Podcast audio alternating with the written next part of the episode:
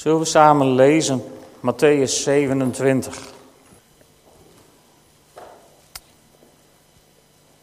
De volgende ochtend vroeg, dus nadat Jezus verraden was, gearresteerd, de hele nacht verhoord door het Sanhedrin, dan brengen ze hem s morgens naar Pilatus. De volgende ochtend vroeg namen alle hoge priesters met de oudsten van het volk het besluit Jezus ter dood te brengen. Nadat ze hem geboeid hadden, leidden ze hem weg en leverden hem over aan Pilatus, de prefect. Toen Judas, die hem had uitgeleverd, zag dat Jezus ter dood veroordeeld was, kreeg hij berouw. Hij bracht de dertig zilverstukken naar de hoge priester en de oudsten terug en zei: Ik heb een zonde begaan door een onschuldige uit te leveren. Maar zij zeiden: Wat gaat ons het aan? Zie dat zelf maar op te lossen. Toen smeet hij de zilverstukken de tempel in, vluchtte weg en verhing zich. De hoge priesters verzamelden de zilverstukken en zeiden tegen elkaar: We mogen ze niet bij de tempelschat voegen, aangezien het bloedgeld is. Over huigelaars gesproken, hè? Na ampel beraad kochten ze er de akker van de pottenbakker mee, die dan als begraafplaats voor vreemdelingen kon dienen. Daarom heet die akker tot op de dag van vandaag de bloedakker. Zo ging in vervulling wat gezegd is door de profeet Jeremia en ze verzamelden de dertig zilverstukken, het bedrag waarop hij geschat was, en dat ze hadden bepaald met de zonen van Israël. En ze betaalden er de akker van de pottenbakker mee, zoals de Heer mij had opgedragen. Toen Jezus voor de prefect stond, stelde deze hem de vraag: Bent u de koning van de Joden? Jezus zei: U zegt het. Maar op de beschuldigingen die de hoge priesters en de oudsten tegen hem inbrachten, antwoordde hij niet één keer. Daarop zei Pilatus tegen hem: Hoort u niet wat deze getuigen allemaal tegen u inbrengen? Hij gaf op geen enkele beschuldiging enig weerwoord, wat de prefect zeer verwonderde. Nu had de prefect de gewoonte om elk Pesachfeest een gevangene vrij te laten en die door het volk te laten kiezen. Er zat toen een beruchte gevangene vast die Jezus Barabbas genoemd werd.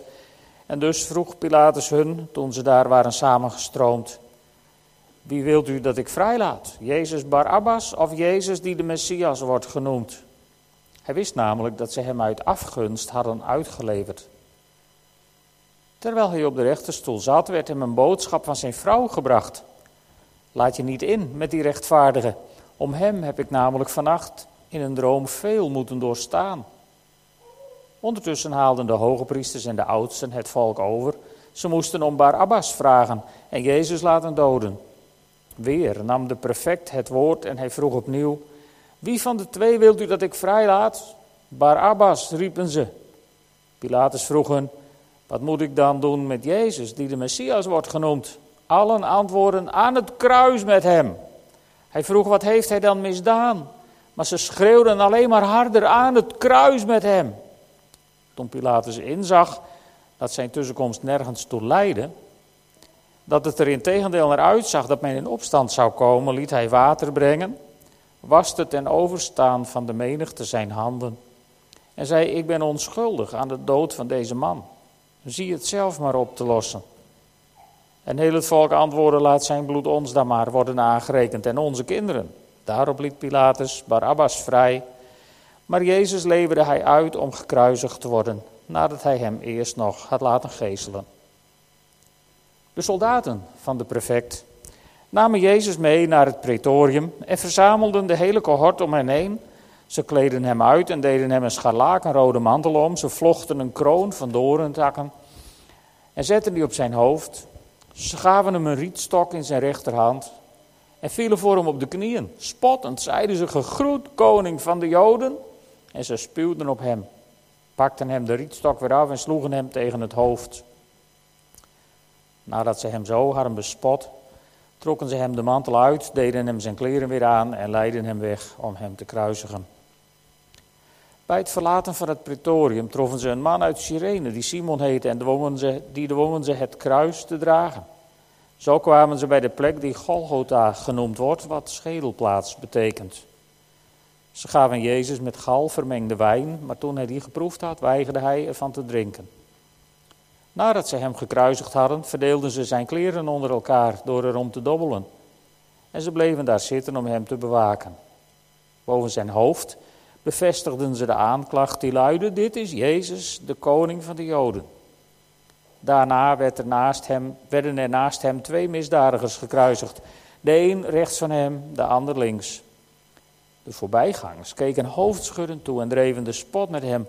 Jij was toch die man die de tempel kon afbreken en in drie dagen weer opbouwen? Als je de zoon van God bent, red jezelf dan maar en kom van dat kruis af. Ook de hoge priesters, de schriftgeleerden en de oudsten maakten zulke spottende opmerkingen. Anderen heeft hij gered, maar zichzelf redden kan hij niet. Hij is toch koning van Israël? Laat hij dan nu van het kruis afkomen, dan zullen wij in hem geloven. Hij heeft zijn vertrouwen in God gesteld, laat die hem dan nu redden, als hij hem tenminste goed gezind is. Hij heeft immers gezegd, ik ben de zoon van God. Precies zo beschimpten hem de misdadigers die samen met hem gekruisigd waren. Rond het middaguur viel er duisternis over het hele land, die drie uur aanhield. Aan het einde daarvan, in het negende uur, gaf Jezus een schreeuw en riep luid: Eli, Eli, lema sabachthani. Dat wil zeggen: Mijn God, mijn God, waarom hebt u mij verlaten? Toen de omstanders dat hoorden, zeiden enkele van hen: Hij roept om Elia. Meteen kwam er uit hun midden iemand toegesneld die een spons pakte en in zure wijn doopte. Hij stak de spons op een stok en probeerde hem te laten drinken. De anderen zeiden: Niet doen, laten we eens kijken of Elia hem kon redden. Nog eens schreeuwde Jezus het uit. Toen gaf hij de geest. Op dat moment scheurde in de tempel het voorhangsel van boven tot onder in tweeën. En de aarde beefde en de rotsen spleten. De graven werden geopend en de lichamen van veel gestorven heiligen werden tot leven gewekt. Na Jezus' opstanding kwamen ze uit de graven, gingen de heilige stad binnen en maakten zich bekend aan een groot aantal mensen. Toen de centurio en degenen die met hem Jezus bewaakten de aardbeving voelden en merkten wat er gebeurde, werden ze door een hevige angst overvallen en zeiden: Hij was werkelijk Gods zoon. Vele vrouwen, die Jezus vanuit Galilea gevolgd waren om voor hem te zorgen, stonden van een afstand toe te kijken. Onder hen bevonden zich Maria uit Magdala, Maria de moeder van Jacobus en Jozef en de moeder van de zonen van Zebedeus. Toen de avond gevallen was, arriveerde er een rijke man, die uit Arimathea afkomstig was. Hij heette Jozef en was ook een leerling van Jezus geworden. Hij meldde zich bij Pilatus en vroeg hem om het lichaam van Jezus. Hierop gaf Pilatus bevel het aan hem af te staan. Jozef nam het lichaam mee, wikkelde het in zuiver linnen en legde het in het nieuwe rotsgraf dat hij voor zichzelf had laten uithouwen. Toen rolde hij een grote steen voor de ingang van het graf en vertrok. Maria uit Magdala en de andere Maria bleven achter. Ze waren tegenover het graf gaan zitten. De volgende dag, dus na de voorbereidingsdag, gingen de hoge priesters en de fariseeën samen naar Pilatus. Ze zeiden tegen hem, Heer, het schoot ons te binnen dat die bedrieger, toen hij nog leefde, gezegd heeft, na drie dagen zal ik uit de dood opstaan. Geeft u alstublieft bevel om het graf tot de derde dag te bewaken, anders komen zijn leerlingen hem heimelijk weghalen en zullen ze tegen het volk zeggen, hij is opgestaan uit de dood. En die laatste leugen zal nog erger zijn dan de eerste. Pilatus antwoordde, u kunt bewaking krijgen, ga nu en regel het zo goed als u kunt. Ze gingen erheen en beveiligden het graf door het te verzegelen en er bewakers voor te zetten. Wat een dag. Wat een dag. En opnieuw een dag waarop Jezus de regie strak in handen hield. Hij hield de regie door te zwijgen. Tegen Caiaphas, tegen Pilatus, tegen Herodes. Niemand kreeg een woord. Behalve Pilatus, tegen wie Jezus zei, je zegt het. Dezelfde woorden die hij tegen Judas gebruikte. Toen Judas zei, ik ben het toch niet, Heer. Toen zei Jezus ook, je zegt het. Door te zwijgende regie houden. De meeste regisseurs, die hebben de regie door luid te roepen en veel aanwijzingen te geven en door zeer nadrukkelijk aanwezig te zijn. En Jezus was ook zeer nadrukkelijk aanwezig, maar in alle stilte. En hiermee vervulde hij de profetie van Jesaja, die de kamerling zat te lezen uit Moreland. Weet u wel, in Handelingen 8, vers 32.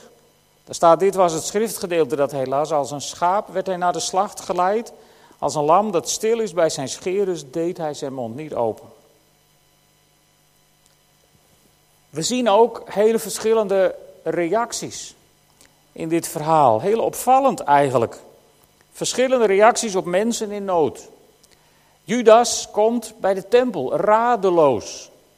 Hij heeft Jezus verkocht voor een slavenprijsje. Hij heeft hem verraden en nu heeft hij gezien dat Jezus ter dood gaat worden gebracht. Dat was kennelijk niet zijn bedoeling. Dus Judas die komt radeloos bij de tempel. En kijk eens wat de mensen daar tegen hem zeggen. Wat gaat ons het aan? Zie het zelf maar op te lossen. Zoek het uit. Was de boodschap die Judas kreeg. En het resultaat was dat hij in zijn radeloosheid geen andere uitweg zag dan de dood. En hij pleegde zelfmoord. Pilatus wast zijn handen in onschuld.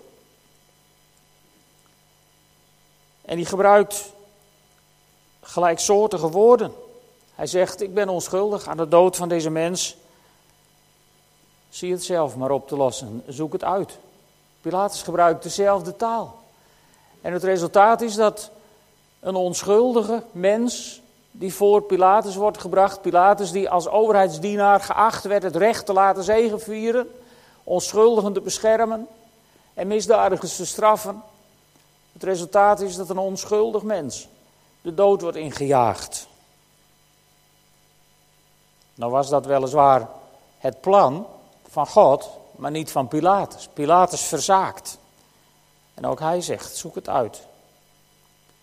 Hoe anders is de reactie van Jezus als er een man naast hem hangt, een moordenaar die daar verdient hangt te sterven, die tegen hem zegt: Heer, denk aan mij als u in de hemel bent. Jezus zegt niet tegen hem, joh, dan had je bij je leven maar beter je best moeten doen, dan had je het maar niet zo moeten doen. Zoek het uit. Als er één was die reden had om dat te zeggen, was Jezus het. En Jezus die doet dat niet. Die kiest voor een totaal ander antwoord. En ik denk dat hij die man heeft aangekeken. En gezegd heeft, heden zul jij met mij in het paradijs zijn. Wat een groot verschil. En weet je, die Jezus. Die Jezus heeft, heeft ook toegekeken vorige week zondag. Toen we die briefjes aan het kruis hingen.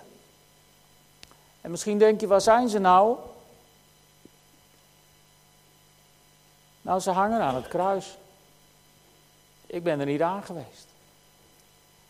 Maar weet je, toen Jezus aan het kruis hing, toen ze Jezus van het kruis haalden, toen was het kruis doordrenkt van bloed. Toen was dat kruis misschien wel bijna net zo rood. Nou, het zal wel wat donkerder geweest zijn. Maar toen was het kruis doordrenkt van bloed. Want wat had Pilatus gedaan? Pilatus had Jezus laten geeselen voor de kruisiging. En dat betekende dat je met een zweep, met, met stukjes bot erin of stukjes ijzer, 49 slagen kreeg. 50 min 1. Want anders dan stierf je ter plekke. Nu stierf je een paar uur later. Aan bloedverlies. Want door die slagen had hij geen huid meer op zijn rug. Was het meeste spierweefsel op zijn rug ook weg. Vandaar dat Simon van Sirene dat kruis moest dragen, want hij kon het niet meer. En als hij niet stierf door bloedverlies, dan stierf hij wel aan de infectie die erachteraan kwam, want dat apparaat werd meestal niet gesteriliseerd voor gebruik. Hoe wreed kun je zijn? Toen Jezus van het kruis werd gehaald, was er niets van het kruis meer te zien. Het was één groot bloederig stuk hout geworden. Nou, dat wilde ik jullie besparen, dus we hebben het gedaan met een rood doek. Maar het bloed van Jezus bedekt al onze zonden. Het bloed van Jezus bedekt de noden, bedekt de dingen waarvoor u misschien wel, vorige week zondag een briefje hebt geschreven met iets waarvoor u zich wilde verootmoedigen bij God. En als God naar jou ziet, als God naar mij ziet, dan ziet hij de dingen niet meer waarvoor ik me zou moeten verootmoedigen. Dan ziet hij het bloed van zijn zoon. En door dat bloed worden wij gereinigd. Moet hele plaat bloed zijn, het bloed van Jezus, want je wordt er witter van dan witte wol. Maar dat slaat op de reinheid, die het gevolg daarvan is. Wat een verschil in reacties. Nooit zul je van God horen, zoek het uit. Altijd zul je van God horen.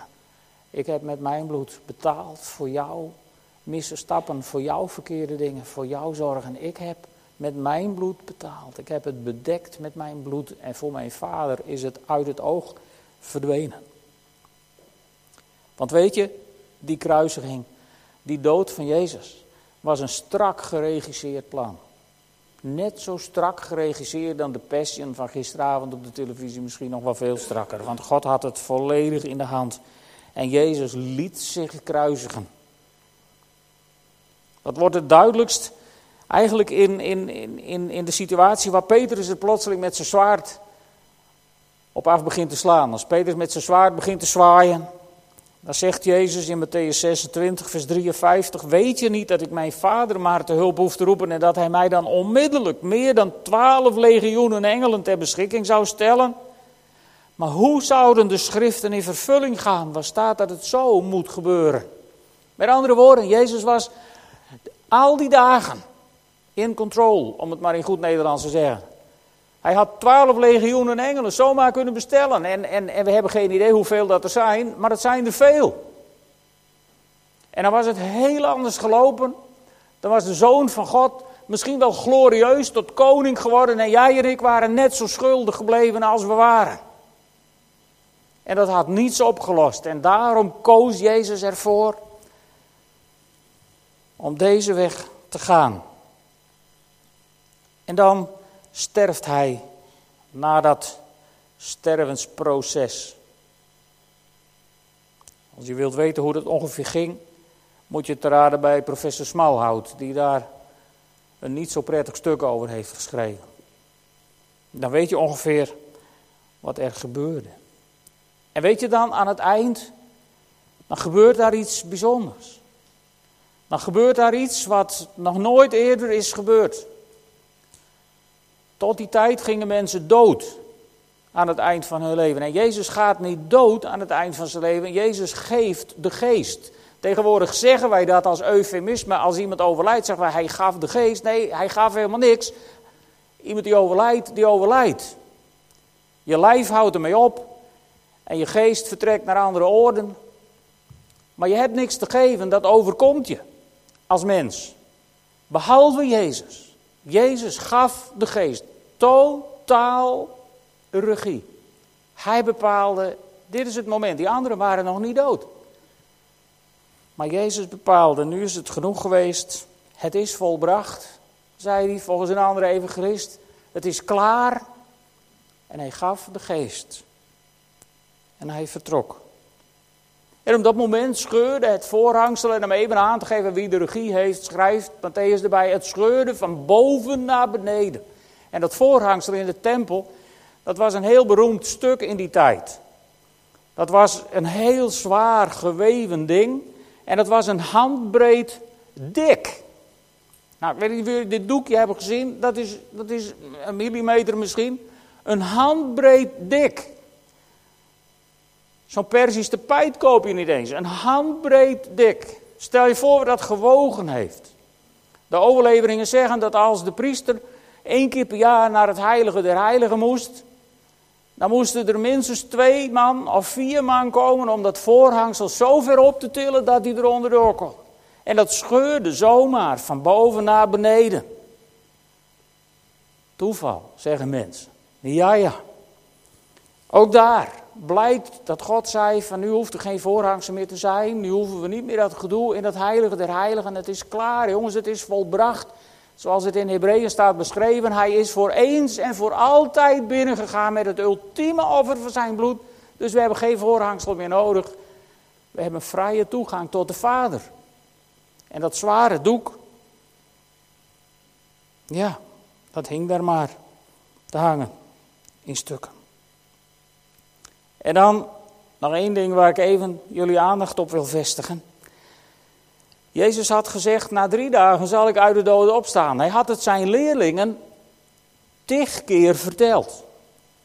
En de schriftgeleerden hadden het ook één keer gehoord. En het is merkwaardig dat de schriftgeleerden het zich wel herinneren en de leerlingen niet. Vind je dat niet apart?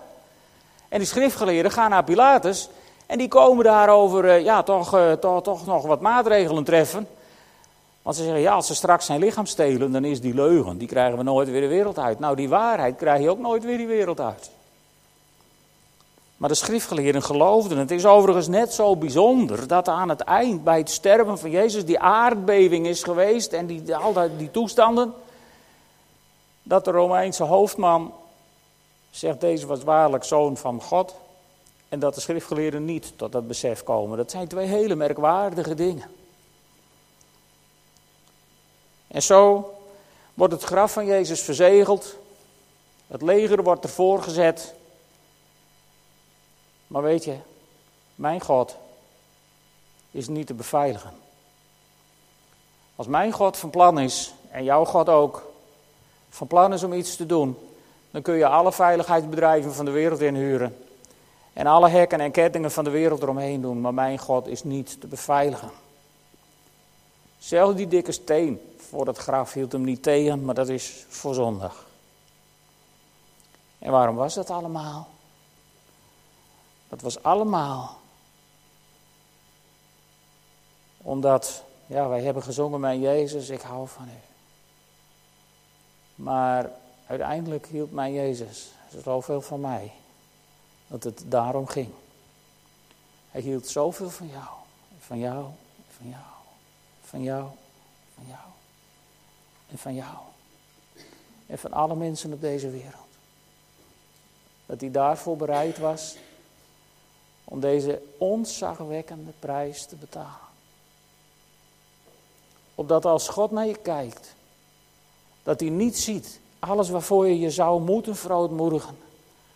Maar dat hij als je een kind van God bent, als je gezegd hebt, Heere God, aan u geef ik mijn leven. Dan kijkt God naar je. En dan ziet hij niet de briefjes hangen over de avonturen en de uitspattingen uit je leven. Dan ziet hij een met bloed doordrenkt geheel. En dan ziet hij op het bloed van zijn zoon. En dan ziet hij jou rein verklaard. Hij ziet je niet rein. Maak je geen illusies. Je hoeft niet eigenwijs te worden. Je hoeft straks niet naar huis te gaan en denken, nou, nou ben ik rein. Nee, helemaal niet. God ziet je rein. Door het bloed van zijn zoon. En daar ging het om. Op die dag. En als jullie daar net zo dankbaar voor zijn als ik, dan wil ik jullie uitnodigen om op te staan. En laten we een tijd nemen om God te danken. Roep het hem toe. Zeg het tegen hem. Spreek het uit.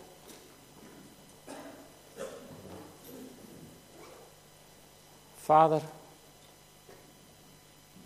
eigenlijk zijn er geen woorden voor. Maar toch willen we vanavond u dank zeggen, onze woorden tot u richten. Omdat u ons hebt gered, Heer. Heer God, ik prijs uw naam. Halleluja. Vader, er zijn geen woorden voor. Maar u hield zoveel van ons. U houdt zoveel van ons. Dat u het bloed van uw zoon hebt gebruikt om ons schoon te verklaren. Heer, als u naar ons kijkt, dan ziet u niet wat wij zelf zien. Als u naar andere mensen kijkt, dan ziet u ook niet wat wij zelf zien of denken te zien, maar dan ziet u, dan ziet u mensen gereinigd door dat kostbare bloed van uw allerliefste. Heer God, leer ons steeds meer beseffen wat dat betekent. Dat we zo voor u mogen staan. Dat we niet bang voor u hoeven te zijn. Dat we niet Niet sidderend van angst, u hoeven te naderen nu of ergens op een moment na het einde van ons leven, maar dat we met volle vrijmoedigheid tot uw troon mogen naderen om u te verheerlijken. En heren, dan mogen we ultiem zingen, mijn Jezus, ik hou van u. Halleluja. Amen.